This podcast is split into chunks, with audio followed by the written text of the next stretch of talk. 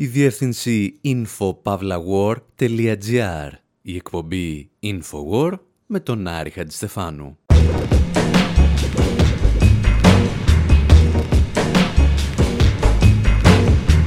όπου σήμερα ετοιμαζόμαστε να εφορμήσουμε στη βαστήλη του νεοφιλελευθερισμού, αλλά τη βρίσκουμε κλειστή λόγω αργίας.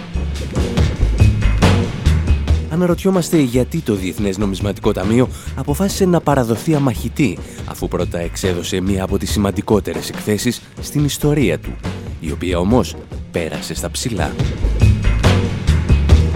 Θυμίζουμε τι ακριβώς ήταν τα Chicago Boys και σκεφτόμαστε εάν ο Μίλτον Φρίντμαν είχε κάποια σχέση με τον Κάρολο Μάρξ ή έστω με τους Blues Brothers. Συνειδητοποιούμε ότι στις Ηνωμένες Πολιτείες οι ιδέες βασίλισσες κακογερνάνε, ενώ στην Ευρωπαϊκή Ένωση είναι απέθαντες και μας κυβερνάνε. Συζητάμε εν ολίγης για το θάνατο του νεοφιλελευθερισμού και δεν το λέμε εμείς, το λένε αυτοί που τον δημιούργησαν.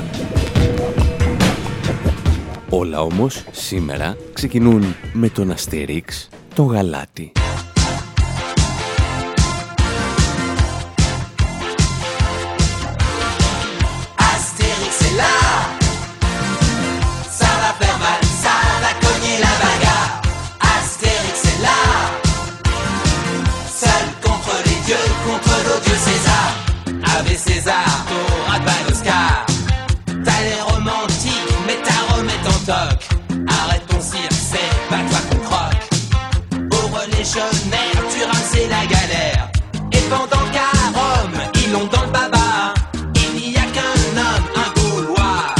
Το τραγουδάκι που ακούτε μας έρχεται από το soundtrack του Asterix σε μία από τις πολλές κινηματογραφικές μεταφορές που επιχειρούν κατά διαστήματα οι Γάλλοι.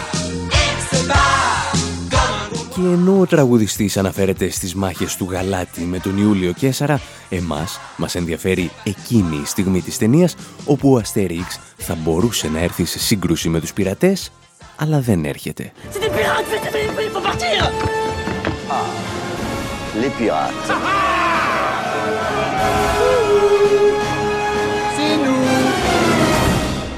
Non Les go Les go. Les go Les Gaulois euh... Mais c'est pas vrai.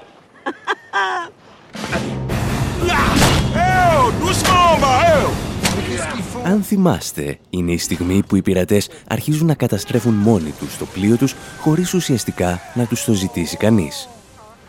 Και αυτό ακριβώς συνέβη το Μάιο του 2016 με ένα άλλο πειρατικό, το Διεθνές Νομισματικό Ταμείο.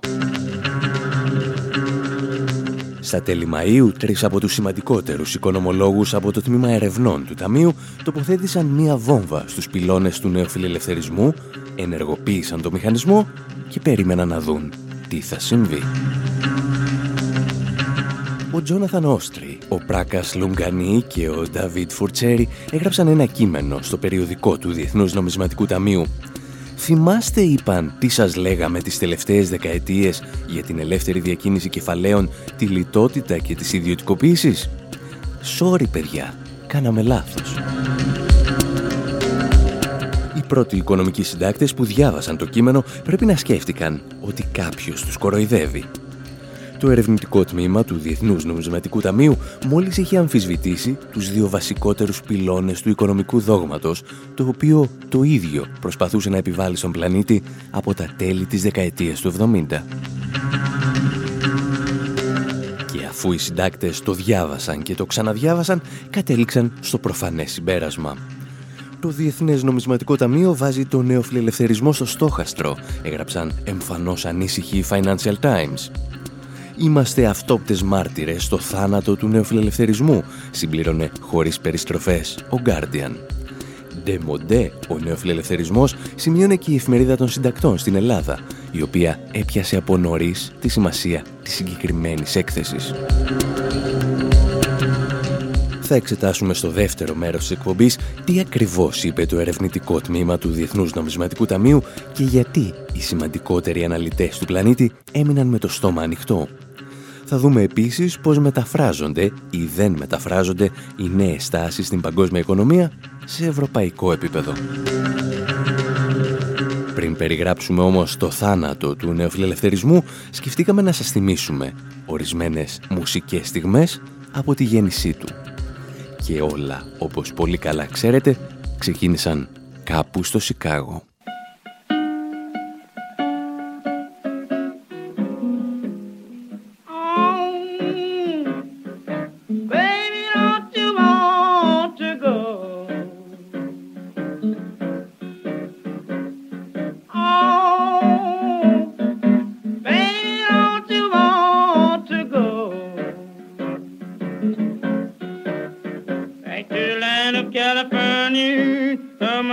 Έχουμε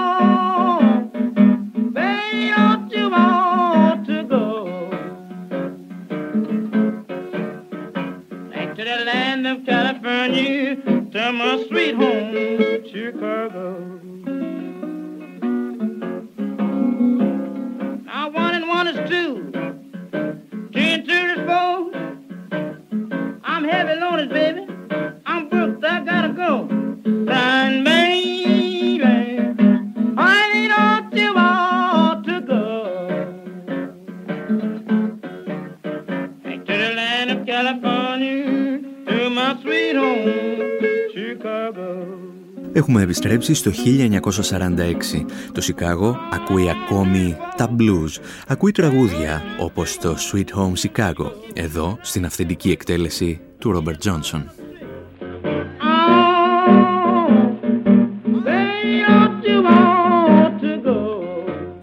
Το Sweet Home έχει γραφτεί 10 χρόνια νωρίτερα. Περιγράφει τη ζωή στα χρόνια της μεγάλης ύφεσης του 1930.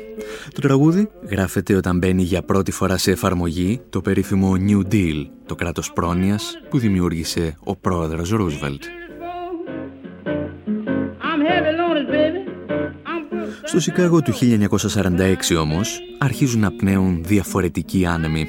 Στην πόλη φτάνει ένας νεαρός οικονομολόγος που ακούει στο όνομα Milton Friedman. Θα διδάξει στο Πανεπιστήμιο του Σικάγο, το πανεπιστήμιο που ίδρυσε ένα αιώνα νωρίτερα ο Τζον Ροκφέλερ, για ορισμένους ο πλουσιότερος άνθρωπος που πέρασε από τον πλανήτη Γη.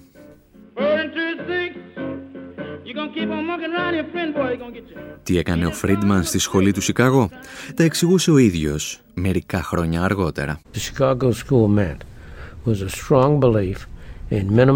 Στη σχολή του Σικάγο πιστεύαμε στην ελάχιστη παρουσία του κράτους και δίναμε έμφαση στην ελεύθερη αγορά ως μέσο ελέγχου της οικονομίας.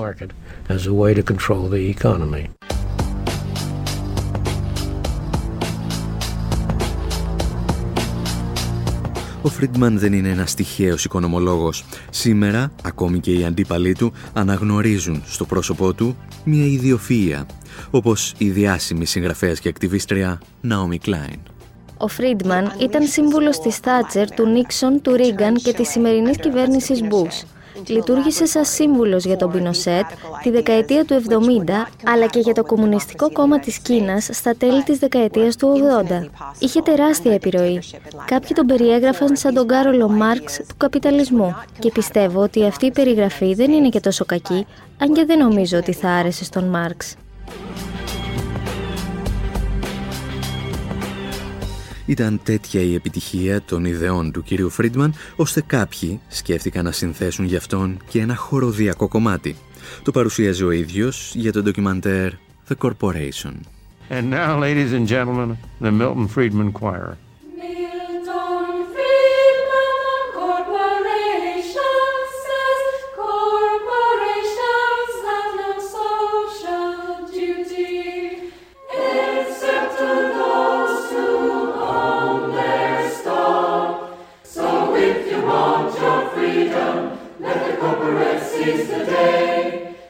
Οι επιχειρήσεις, λέει η χοροδία, είναι υπεύθυνες μόνο απέναντι στους μετόχους τους. Οι επιχειρήσεις είναι αμοραλιστικές.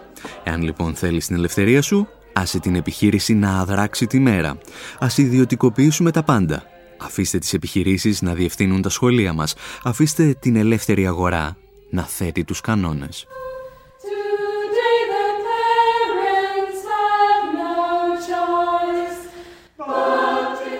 Από τη δεκαετία του 80, ο Φρίντμαν μετατρέπεται σε γκουρού του νεοφιλελευθερισμού και προστάτη άγιο των επιχειρήσεων. Εμείς όμως είμαστε ακόμη στην Αμερική του 50 και του 60 και εδώ τα πράγματα είναι ελαφρώς δύσκολα.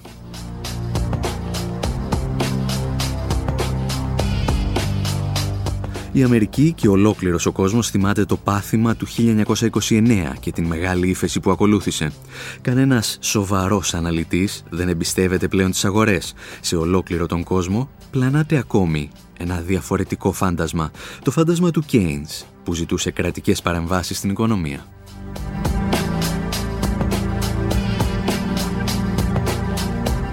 Η σχολή του Σικάγο και ο Μίλτον Φρίντμαν αποφασίζουν να περάσουν στην αντεπίθεση.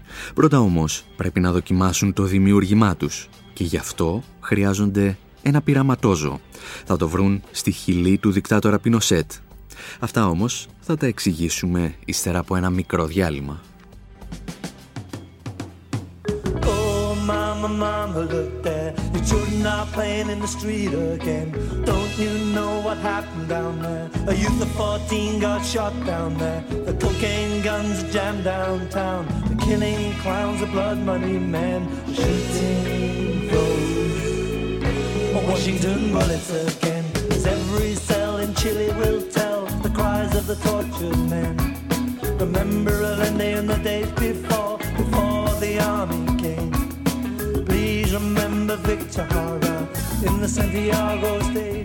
Οι Βρετανοί κλάς τραγουδούν για τις σφαίρες της Ουάσιγκτον. Τραγουδούν μεταξύ άλλων για το πραξικόπημα που οργάνωσαν οι Ηνωμένες Πολιτείες για να ανατρέψουν τον σοσιαλιστή πρόεδρο της Χιλής, Σαλβαδόρ Αλιέντε. Hay una comunicación, una información Προς Γουστάβο και ο Αγκούστο από τον Πατρίτσιο. Υπάρχει μια πληροφορία από δόκιμο της Σχολής Αξιωματικών που βρίσκεται μέσα στο Προεδρικό Μέγαρο.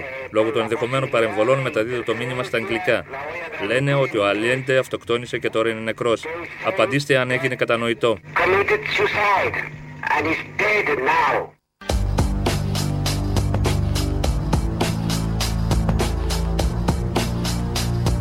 Την 11η Σεπτεμβρίου του 1973 ο δικτάτορας Αουγκούστο Πινοσέτ ενημερώνεται από τον ασύρματο ότι ο σοσιαλιστής πρόεδρος Αλιέντε είναι νεκρός στο προεδρικό μέγαρο.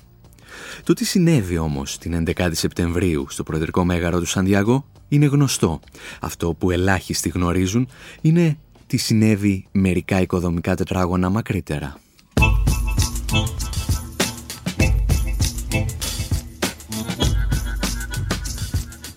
Εκεί, μια ομάδα χιλιανών οικονομολόγων έδινε μια διαφορετική μάχη.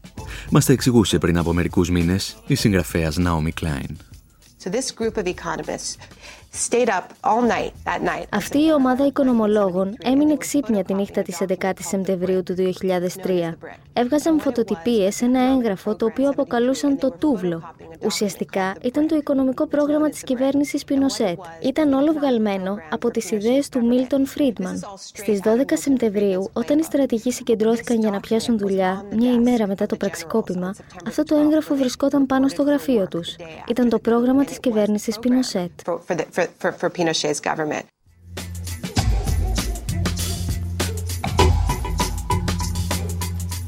Αυτή η ομάδα οικονομολόγων έμεινε στην ιστορία με το όνομα Chicago Boys, τα αγόρια του Σικάγο. Ήταν τα γρανάζια ενός τρομακτικού οικονομικού πειράματος που εκτελούσε η Ουάσιγκτον. Ποια ήταν αυτά τα Chicago Boys? Μας τα εξηγούσε το ντοκιμαντέρ Commanding Hates.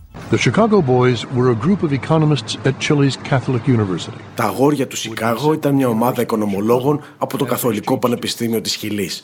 Με ένα πρόγραμμα ανταλλαγής φοιτητών τους έστελναν στο Πανεπιστήμιο του Σικάγο. Εκεί έμαθαν τις ιδέες της σχολής του Σικάγο και τη σχεδόν επαναστατική πίστη στην ελεύθερη αγορά. Καθηγητές όπως ο Άρνολτ Χάρμπεργκερ και ο Μίλτον Φρίντμαν τους έμαθαν να μην εμπιστεύονται το κρατικό σχεδιασμό και τον κυβερνητικό έλεγχο. And government control.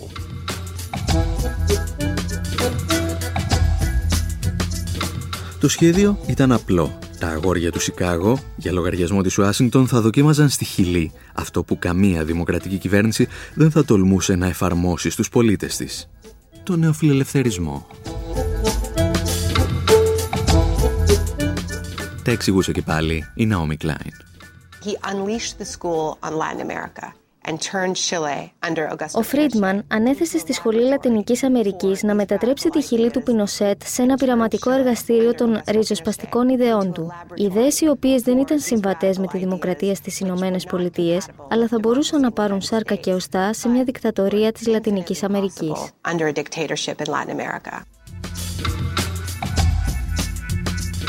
Και για να μην γίνουν λάθη στην εφαρμογή, ο ίδιος ο Φρίντμαν ταξίδεψε στη Χιλή για να δώσει διαλέξεις και να συναντηθεί με τους δικτάτορες. Πέρασα πέντε μέρες στη Χιλή δίνοντας διαλέξεις για τα προβλήματα της οικονομίας και κυρίως για τον πληθωρισμό. Εξηγούσα ότι η ελεύθερη αγορά θα υπέσκαπτε τον πολιτικό συγκεντρωτισμό και τον πολιτικό έλεγχο.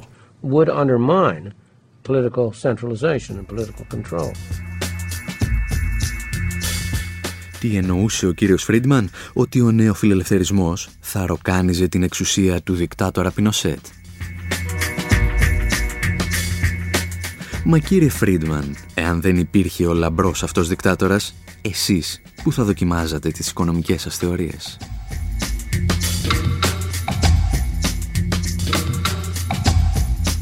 Το πείραμα της Χιλής πέτυχε. Το χάσμα πλουσίων και φτωχών γιγαντώθηκε. Οι αριθμοί όμως ευημερούσαν.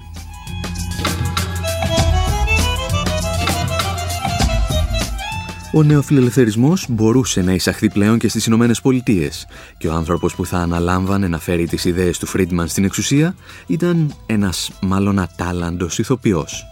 Κυρίες και κύριοι, υποδεχτείτε τον Ρόναλτ Ρίγκαν. Ladies and gentlemen, we take pride in presenting a thoughtful address by Ronald Reagan. Η νεοφιλελεύθερη οικονομική πολιτική του Αμερικανού Προέδρου στηριζόταν σε τέσσερις βασικές εντολές. Μειώστε τις δημόσιες δαπάνες, μειώστε τους φόρους, μειώστε τις κρατικές παρεμβάσεις, μειώστε τον πληθωρισμό.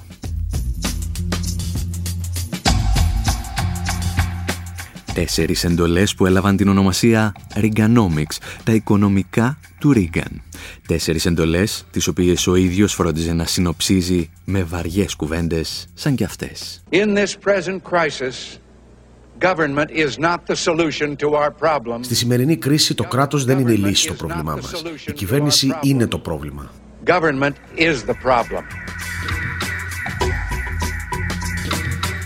Η μαγεία της αγοράς θα έδειχνε σύντομα το πρόσωπό της. Κύματα αστέγων καλύπτουν και πάλι τους δρόμους της Αμερικής για πρώτη φορά μετά τη μεγάλη ύφεση της δεκαετίας του 30. Έχει έρθει η σειρά των Violent Thumb να τραγουδήσουν δύο κουβέντες στον κύριο Ρίγκαν, για την ακρίβεια στη μητέρα του, Old Mother Reagan. Old Mother Reagan and her crew took away from me and you. I'm sick of fire.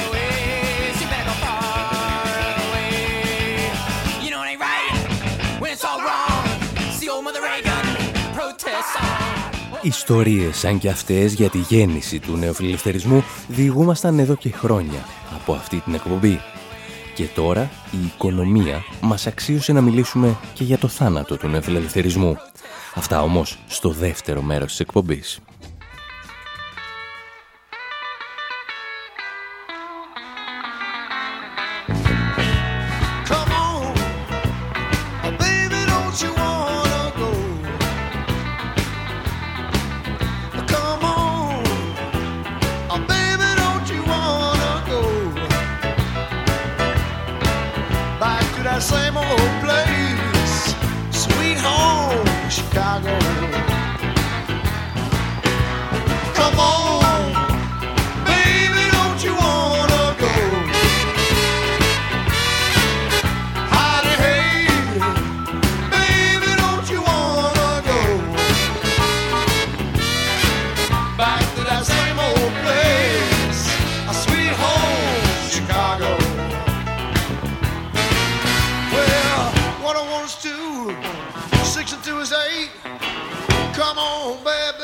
must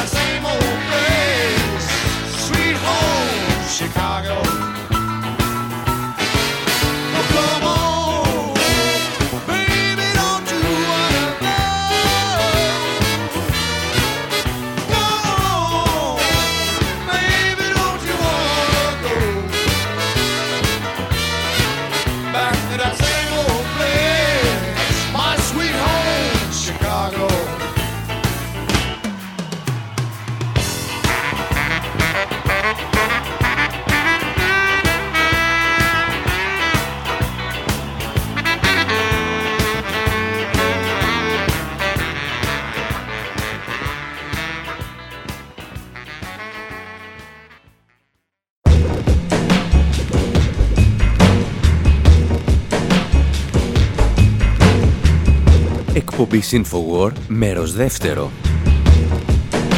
όπου προσπαθούμε και εμείς να διαχειριστούμε την είδηση ότι το Διεθνές Νομισματικό Ταμείο έβγαλε ένα περίστροφο και πυροβόλησε στο κεφάλι το οικονομικό δόγμα του νεοφιλελευθερισμού.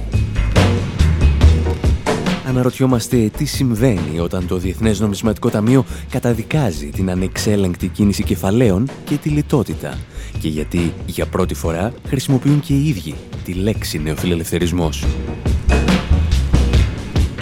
Θα προσπαθήσουμε να καταλάβουμε μαζί τι ακριβώς περιλαμβάνει η τελευταία έκθεση του Ταμείου και τι σημαίνει ή τι δεν σημαίνει για την Ευρωπαϊκή Ένωση και όλους εμάς. Θα ζητήσουμε γι' αυτό τη γνώμη του ερευνητή Γιώργου Βασάλου, που παρακολουθεί εδώ και χρόνια τους εσωτερικούς μηχανισμούς λειτουργίας της Ευρωπαϊκής Ένωσης και τον οποίο τον γνωρίσατε και στο νέο μας ντοκιμαντέρ This is not a coup. Σοπάστε όμως τώρα, γιατί όπου να είναι, θα χτυπήσει η καμπάνα.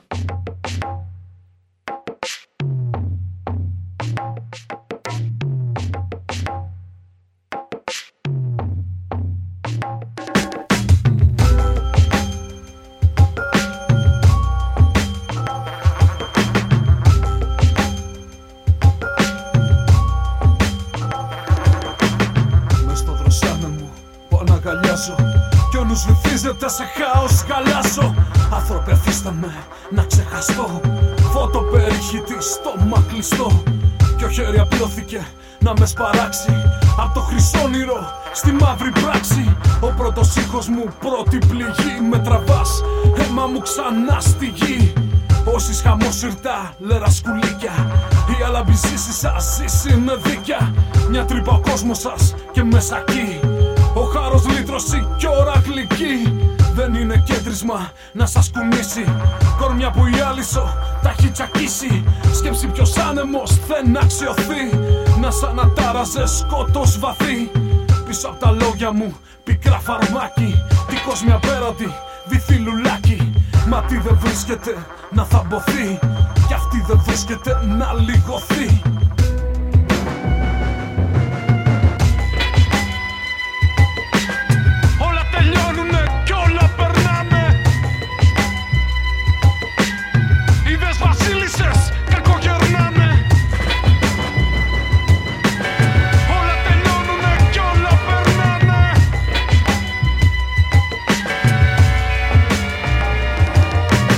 Οι active member μελοποιούν την καμπάνα του Κώστα Βάρναλη.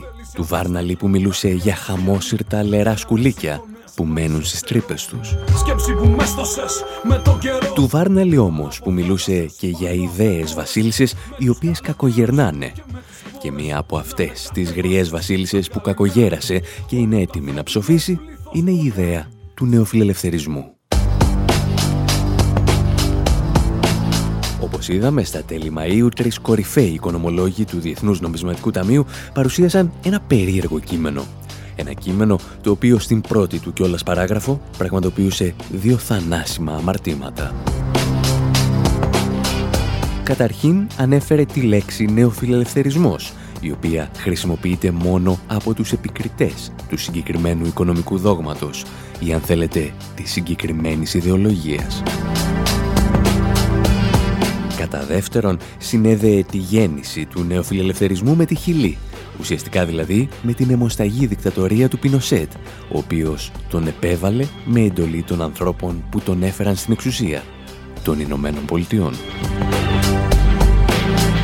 Η ουσία όμως του κειμένου εντοπίζεται σε δύο άλλα σημεία. Το κείμενο αμφισβητεί την αρχή ότι η ελεύθερη διακίνηση κεφαλαίων οδηγεί αναπόδραστα στην ανάπτυξη.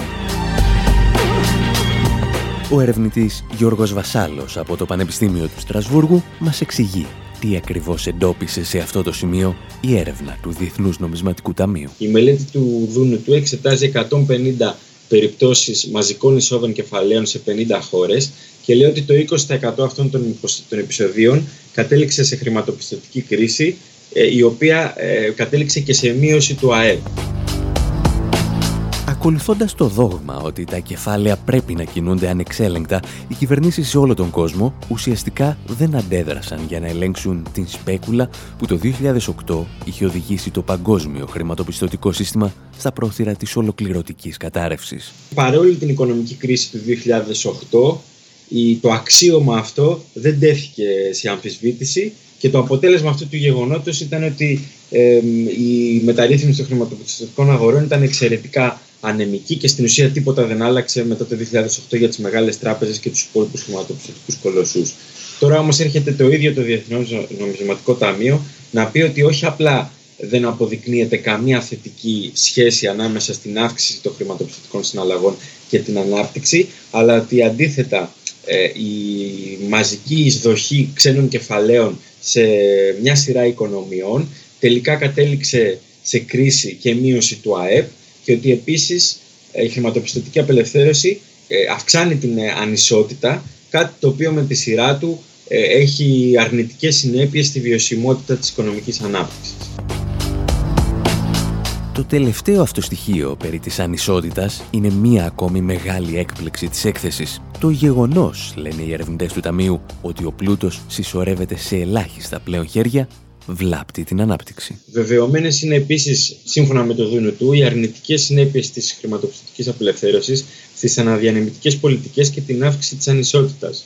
Ε, λέει λοιπόν το Δούνο του ότι ακόμα και αν με βάση την οφειλελεύθερη ατζέντα ο μόνος στόχος είναι η ανάπτυξη, υπάρχουν πλέον ασφαλείς αποδείξεις ότι η ανισότητα βλάπτει τόσο το ύψος όσο και τη βιωσιμότητα της ανάπτυξης.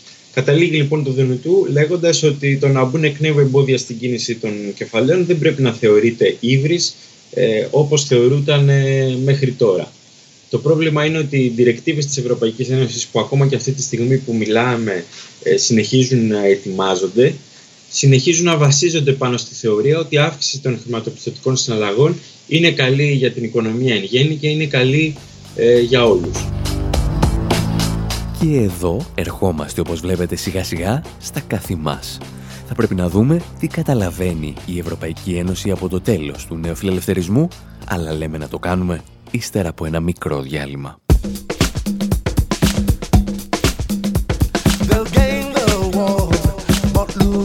soul will gain the world but lose their souls.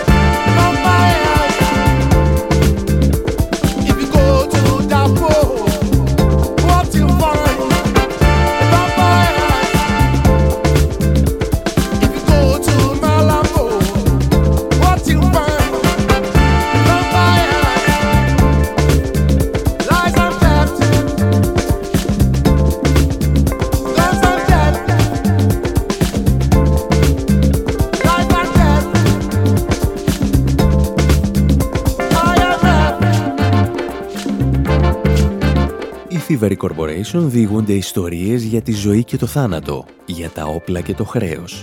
Τραγουδούν για το Διεθνές Νομισματικό Ταμείο, το οποίο όπως λένε λειτουργεί σαν βαμπύρ στις χώρες του τρίτου κόσμου.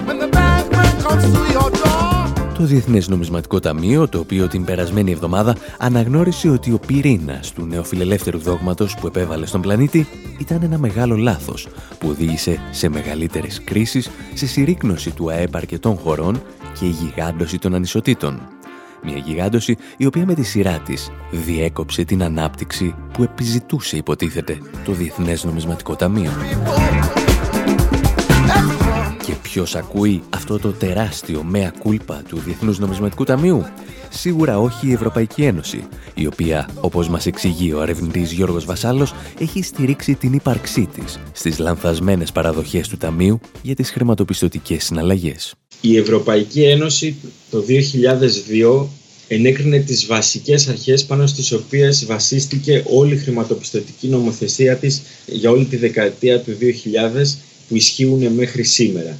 Η αρχή αυτή ε, έλεγε ότι όσο αυξάνονται οι χρηματοπιστωτικές συναλλαγές, τόσο θα αυξάνεται η ανάπτυξη. Ότι υπάρχει μια στατιστική θετική αντιστοιχία ανάμεσα στις χρηματοπιστωτικές συναλλαγές και στην ανάπτυξη.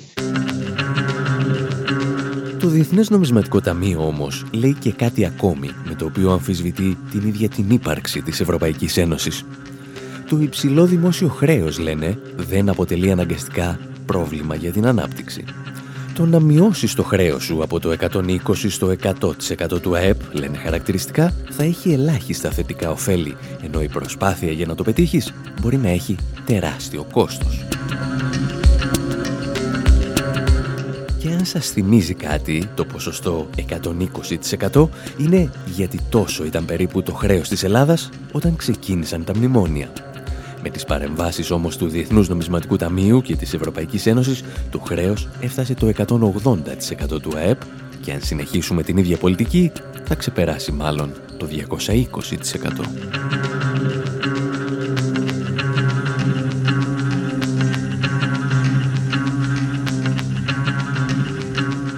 Σήμερα λοιπόν, τρεις από τους σημαντικότερους οικονομολόγους του Διεθνούς Νομισματικού Ταμείου υποστηρίζουν ότι η λιτότητα ήταν ένα μεγάλο λάθος.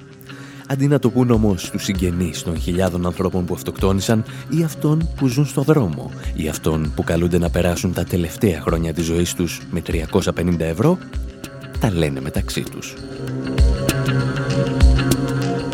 Εμείς παίρνουμε μία ακόμη μικρή ανάσα πριν από το εγκεφαλικό και επιστρέφουμε.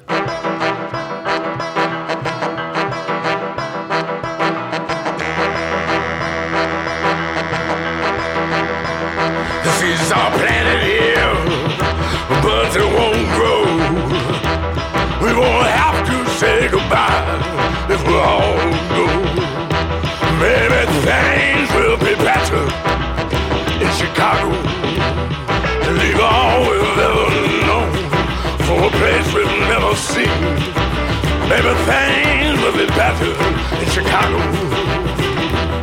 Well, it's brave for us to stay, even braver to go. Wherever she goes, I go. Maybe things will be better in Chicago. But we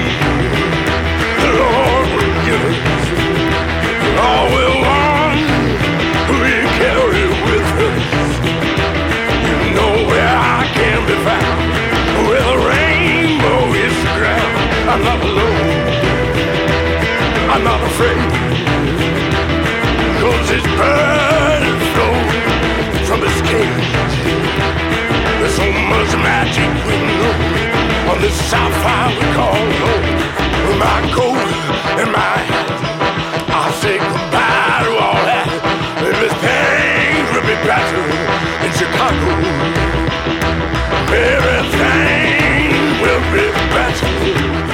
Στην εκπομπή Infowar με τον Άρη Χατζηστεφάνου διαβάζουμε και ξαναδιαβάζουμε την τελευταία μελέτη του Διεθνούς Νομισματικού Ταμείου, η οποία ουσιαστικά ανοίγει τον τάφο του νεοφιλελευθερισμού.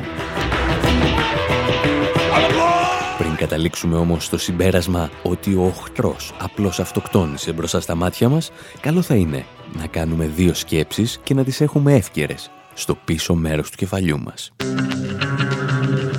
Καταρχήν, το τι λέει το ερευνητικό τμήμα του Διεθνούς Νομισματικού Ταμείου δεν έχει αναγκαστικά κάποια σχέση με το τι κάνει το εκτελεστικό τμήμα του Ταμείου. Όπως εξηγεί ο οικονομικός αναλυτής Αντίτια Τσακραμπόρτη από τις σελίδες του Guardian, το χάσμα ανάμεσα στη σκέψη και στην πράξη του Διεθνούς Νομισματικού Ταμείου συνεχίζει να διευρύνεται από το 2008 γκρι κουστούμια του ταμείου δηλαδή, συνεχίζουν να πηγαίνουν στις υπερχρεωμένες χώρες και να τις μετατρέπουν σε απικίες χρέους μεγάλων τραπεζών. Το δεύτερο συμπέρασμα είναι ότι η έκθεση δεν τα τεινάζει και όλα στον αέρα και σίγουρα δεν το κάνει για το συμφέρον του ανθρώπου. Λειτουργεί προς το συμφέρον των τραπεζών. Οι ερευνητές συνεχίζουν να στηρίζουν τις ιδιωτικοποιήσεις, ενώ επισημαίνουν ότι ορισμένες ροές κεφαλαίων, όπως οι άμεσες επενδύσεις, έχουν θετικό πρόσημο. Τι σημαίνει αυτό; Συνεχίστε να ξεπουλάτε τα πάντα και αφήστε τις πολυεθνικές μας να εγκατασταθούν στο έδαφό σας για να ελέγχουν άμεσα την κατάσταση χωρίς μεσάζοντες.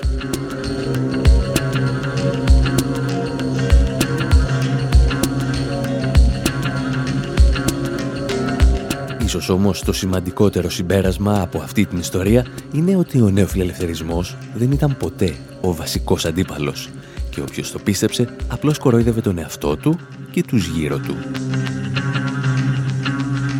Ο νεοφιλελευθερισμός ήταν και αυτός μια φάση του καπιταλισμού, όπως ήταν άλλωστε και ο φασισμός ή ο κινσιανισμός. Κάθε εποχή απαιτούσε διαφορετικές συνταγές για να διασωθεί ένα σύστημα που εδώ και δεκαετίες δεν μπορεί να πετύχει τους ρυθμούς ανάπτυξης που χρειάζεται. Αν λοιπόν ο νεοφιλελευθερισμός έφαγε τα ψωμιά του, οι δημιουργοί του θα βρουν σίγουρα τρόπο να τον αντικαταστήσουν. Το ότι έχασαν όμως αυτοί δεν σημαίνει ότι κερδίσαμε εμείς. Γιατί στην πραγματικότητα τα πειρατικά καράβια δεν βυθίζονται ποτέ από μόνα τους, όπως συμβαίνει λόγου χάρη στο Αστερίξ. Κάποιος πρέπει να τα βυθίσει και να αφήσει τα κουφάρια των πειρατών του παγκόσμιου χρηματοπιστωτικού συστήματος να επιπλέουν στη θάλασσα. Μεταφορικά, μάλλον. Εμείς όμως κάπου εδώ λέμε να σας αφήσουμε και για αυτή την εβδομάδα. Να θυμάστε ότι μας βρίσκεται πάντα στη διεύθυνση info.pavlawar.gr Να θυμάστε επίσης ότι το ντοκιμαντέρ μας This is not a coup προβάλλεται για τέταρτη εβδομάδα στον κινηματογράφο Τριανών στην Αθήνα αλλά και για δύο ακόμη Τετάρτες στο θυμωμένο πορτρέτο στα Ιωάννινα. Ενώ την Παρασκευή 10 Ιουνίου θα μας βρείτε στο Λονδίνο.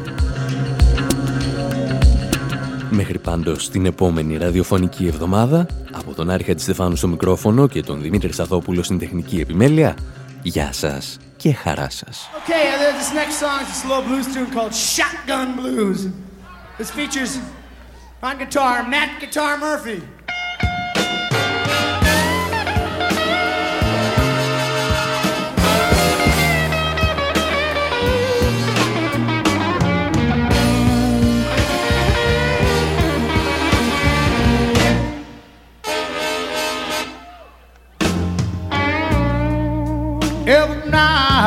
I go to sleep, the blues fall down like rain.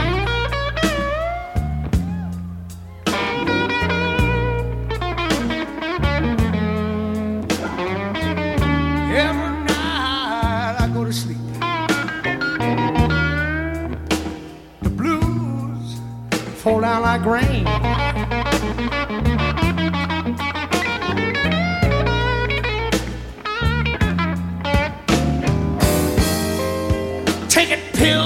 Cheap whiskey just to try to ease the pain.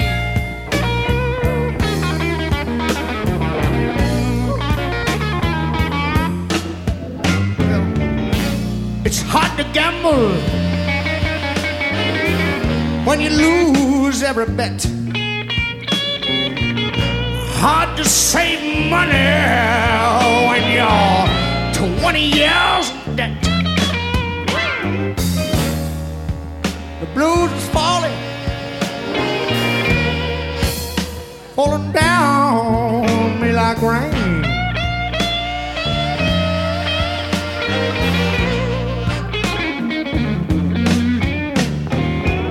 I'm gonna take a shotgun now, people, and disconnect my brain.